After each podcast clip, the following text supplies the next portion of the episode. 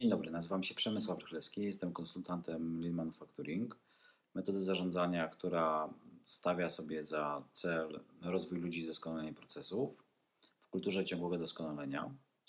A to krótkie wideo ma przybliżyć Państwu korzyści, jakie można uzyskać dzięki wdrażaniu filozofii, metody ciągłego doskonalenia właśnie w procesach biznesowych, w procesach produkcyjnych, w procesach usługowych, generalnie w procesach, które realizowane są przez organizacje. Ja od 2005 roku zajmuję się właśnie procesem ciągłego doskonalenia. Z reguły pracuję, można powiedzieć, że w 95% przypadków z firmami produkcyjnymi, zarówno firmami rodzinnymi, jak i dużymi międzynarodowymi korporacjami. I w pewnym momencie, bez względu na wielkość organizacji, bez względu na, bez względu na to, jaki charakter procesów realizowany jest, czyli czy to jest firma produkcyjna, czy usługowa, firma musi znaleźć odpowiedzi na pytania takie, jak produkować szybciej i taniej, jak zredukować ilość braków, które powstają w procesach, w jaki sposób rozwijać pracowników, którzy zaangażowani są w procesy wytwórcze, jak również jak kadra zarządzająca wszystkich szczebli organizacji powinna wspierać rozwój pracowników i mieć realny wpływ na to, jak budowana jest i rozwijana organizacja. Oczywiście to są tylko przykładowe pytania, jest ich zdecydowanie więcej. Yy, I na te pytania trzeba znaleźć odpowiedzi, bo jeżeli tego nie będzie, jeżeli ta lista pytań pozostanie bez odpowiedzi, to w pewnym momencie firma zaczyna się zamiast rozwijać, zaczyna się zwijać. Przegania nas konkurencja, pojawia się coraz więcej reklamacji od klientów, zaczynają odchodzić od nas klienci. Oczywiście nikomu tego nie życzę, ale to są fakty z życia, które przerabiałem przez ostatnie 15 lat pracując jako najpierw inżynier y, jakości dostawców, jako menadżer w międzynarodowych organizacjach, a od 10 lat jako konsultant, ciągle pracujący nad doskonaleniem procesów w kulturze linowej. I tutaj z pomocą przychodzi proces ciągłego doskonalenia. Bez względu na to, czy Państwo będziecie pracować w, w kulturze linowej, czy stworzycie swój własny model ciągłego doskonalenia swojej organizacji, to warto przyjrzeć się kilku ważnym aspektom, E, jak taki model powinien funkcjonować, jak powinien być wdrożony, bo najpierw trzeba coś wymyśleć, a potem wdrożyć to do organizacji. A więc fundamentem tego wszystkiego jest to, że takie działanie nie może być jednorazowe. To nie może być inicjatywa jednorazowa, że zarząd wpadnie na pomysł, hej, zróbmy sobie jakieś ciągłe doskonalenie, weźmy proces na warsztat, przeanalizujmy go, rozbudujmy i będzie fajnie. Nie, bo to jest po prostu tak jak yy, można powiedzieć postanowienie noworoczne.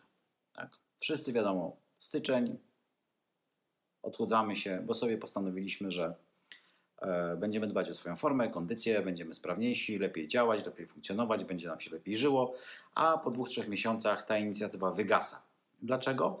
Bo działamy tak naprawdę krótkofalowo, bez dalszego planu. Oczywiście są ludzie, którzy mają zbudowany plan na najbliższy rok, jak to działać, co chcemy osiągnąć, jakie cele, ale to są jednostki.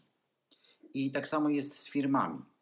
E, firma, która ma zbudowaną strategię, która wie, w którą stronę chce iść, jak chce się rozwijać, co robić, będzie o wiele sprawniej działała niż organizacja, która działa na zasadzie od zrywu do zrywu.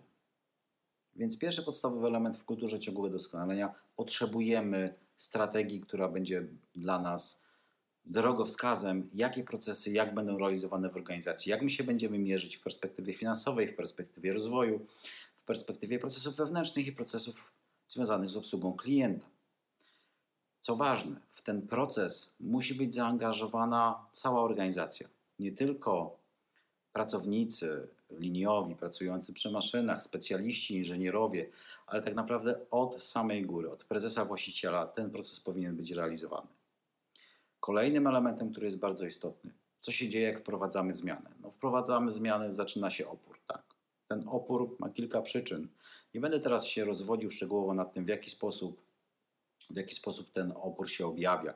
Ale my ludzie jesteśmy tak skonstruowani, że lubimy przyzwyczajenia, lubimy się przyzwyczaić do pewnych zachowań, rzeczy i każda zmiana powoduje w nas opór. Więc są na to sprawdzone metody, jak można ten opór wyłagodzić, jak można zaangażować pracowników w proces zmiany. I co nam to daje? Daje to nam na pewno to, że taka zmiana jest bardziej gładko wprowadzana. Daje nam to, nam to, że ludzie rozumieją, dlaczego jest ta zmiana realizowana, angażują się w to. jeżeli my wiemy, czego chcemy, ludzie wiedzą, na co mogą sobie pozwolić, czyli co się będzie działo w tej zmianie, to od razu pojawiają się tak zwane luki kompetencyjne, które powinniśmy zabezpieczyć, czyli wyposażyć naszych pracowników w nowe umiejętności, w nowe kompetencje. I oczywiście jest jeszcze kilka zależności, natomiast no, film ma być krótki, więc nie będę się zbytnio rozwodził. Do czego zmierzam? Generalnie wprowadzając kulturę ciągłego doskonalenia w organizacji, jest 10 żelaznych zasad, które warto przestrzegać, żeby sobie z tą kulturą ciągłego doskonalenia poradzić, czyli nie zgubić tej ścieżki wdrożeniowej. I jeżeli będziemy przestrzegać tych, tych zasad, jeżeli będziemy się, się y, trzymać tych zasad, to mamy o wiele większą gwarancję sukcesu na to, że proces ciągłego doskonalenia osiądzie na stałe w naszej organizacji, a tak naprawdę organizacja stanie się organizacją żyjącą i rozwijającą się w duchu ciągłego doskonalenia. I po co nam to? Po co nam to? Czemu my to chcemy robić? Przede wszystkim mamy szybszy czas reakcji na zapytanie klienta. Y, wiemy bardzo często, że nie tylko konkurujemy ceną, ale konkurujemy czasem dostawy, czasem realizacji zamówienia, szybkością odpowiedzi na zapytanie klienta. Doskonaląc nasze procesy, stajemy się sprawniejsi, wygrywamy szybkością. Nie zawsze udaje nam się przezwyciężyć konkurencję ceną, ale możemy też konkurować szybkością realizacji zlecenia i jakością realizacji tego zlecenia. To jest bardzo ważne. Kolejnym elementem jest to, że nasze procesy generują mniej błędów. Bardzo często jest tak, że, mamy, że pracujemy na niskich marżach. Pracując na niskich marżach, no każdy nasz błąd, każdy, y, każda kwestia związana z pomyłką pracownika, przełożonego, równa się utracie pewnej części marży, a my nie chcemy do tego dopuścić. Procesy generują nam mniej braków. Kolejnym elementem jest to, że w procesie ciągłego doskonalenia pracownicy rozwijają się, ponieważ spotykają się z nowymi wyzwaniami. A więc nie tylko szkolenia, na które wysyłamy naszych pracowników, ale też praca nad doskonaleniem tego procesu rozwija kompetencje. Pracownicy czują się bardziej odpowiedzialni za swoje procesy, bo mają realny wpływ na to, jak ta organizacja wygląda, jak ona funkcjonuje. Kolejnym elementem jest to, że wiemy, dokąd zmierzamy. To znaczy, że jeżeli jest w organizacji strategia, to my tak naprawdę wiemy, co będziemy robić za rok, dwa i pięć. Nie znamy dokładnej ścieżki, jak przejść z punktu A do punktu B. E, czyli od roku powiedzmy 2020 do roku 2025, ale wiemy, w którym kierunku mamy iść i jakie działania powinniśmy podejmować. Nigdy nie uda się wyznaczyć idealnego idealnej trajektorii dojścia, bo sytuacja rynkowa się zmienia, bo są różne rzeczy. Teraz mamy, mamy do czynienia z COVID-em, ale generalnie e, pojawiają się kryzysy, pojawiają się wzloty i upadki rynkowe. Ale my wiemy, w którą stronę chcemy iść i korygujemy nasze działania właśnie pod kątem naszego tego pożądanego stanu docelowego. Co jeszcze nam daje e, proces ciągłego doskonalenia, który jest wdrożony w organizacji? No, jeżeli doskonalimy nasze procesy, tak naprawdę wyprzedzamy konkurencję.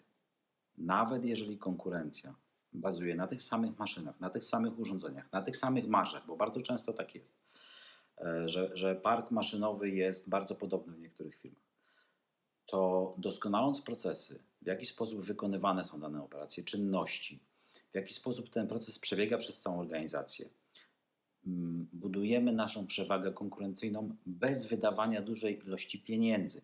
Nie inwestujemy pieniędzy w nowe technologie, jeżeli tego nie ma, że tak powiem, konieczności nie ma mm, tego. Najpierw doskonalimy maksymalnie nasze procesy. A więc co się dzieje? Pieniądze zostają nam w lwiej części w portfelu i możemy je przeznaczyć na inne cele, a wtedy, gdy wykorzystamy wszystkie możliwości optymalizacyjne naszego procesu, możemy się skupić na inwestycjach w technologię bo często firmy popełniają ten błąd, że wierzą, że technologia da im przewagę konkurencyjną. Technologia w tej chwili jest wszechobecna, wszech, e, wszechmożliwe jest jej wykorzystanie i nabycie, jeżeli ma się oczywiście środki finansowe. E, więc, więc dwie firmy, które będą miały te same technologie, dwie firmy, które mają zbliżony pułap cenowy i w jednej prowadzonej jest proces ciągłego doskonalenia, a w drugiej inwestuje się ciągle w technologię, to pamiętajmy, że każdy zakup, każde nabycie nowej, e, nowego środka trwałego generuje nam co? Wzrost ceny, wzrost ceny jednostkowej produktu. E, A optymalizując, procesy, my tak naprawdę redukujemy koszty uzyskania, czyli techniczny koszt wytworzenia takiego wyrobu maleje. A więc co się dzieje? Nasza marża zaczyna rosnąć i to dość ostro. Pamiętajmy proszę o tym, że zamiast wydawać kasę, warto zastanowić się, w jaki sposób optymalizować, doskonalić, usprawnić nasze procesy, jak zaangażować pracowników y, w te działania i w jaki sposób stworzyć z tego kulturę organizacyjną i długofalowe podejście do zarządzania organizacją. Dziękuję Państwu bardzo za uwagę. Trzymam kciuki za wdrożenie procesu ciągłego doskonalenia w Waszych firmach. Do zobaczenia, do usłyszenia, pozdrawiam. Przemysław Rychlewski.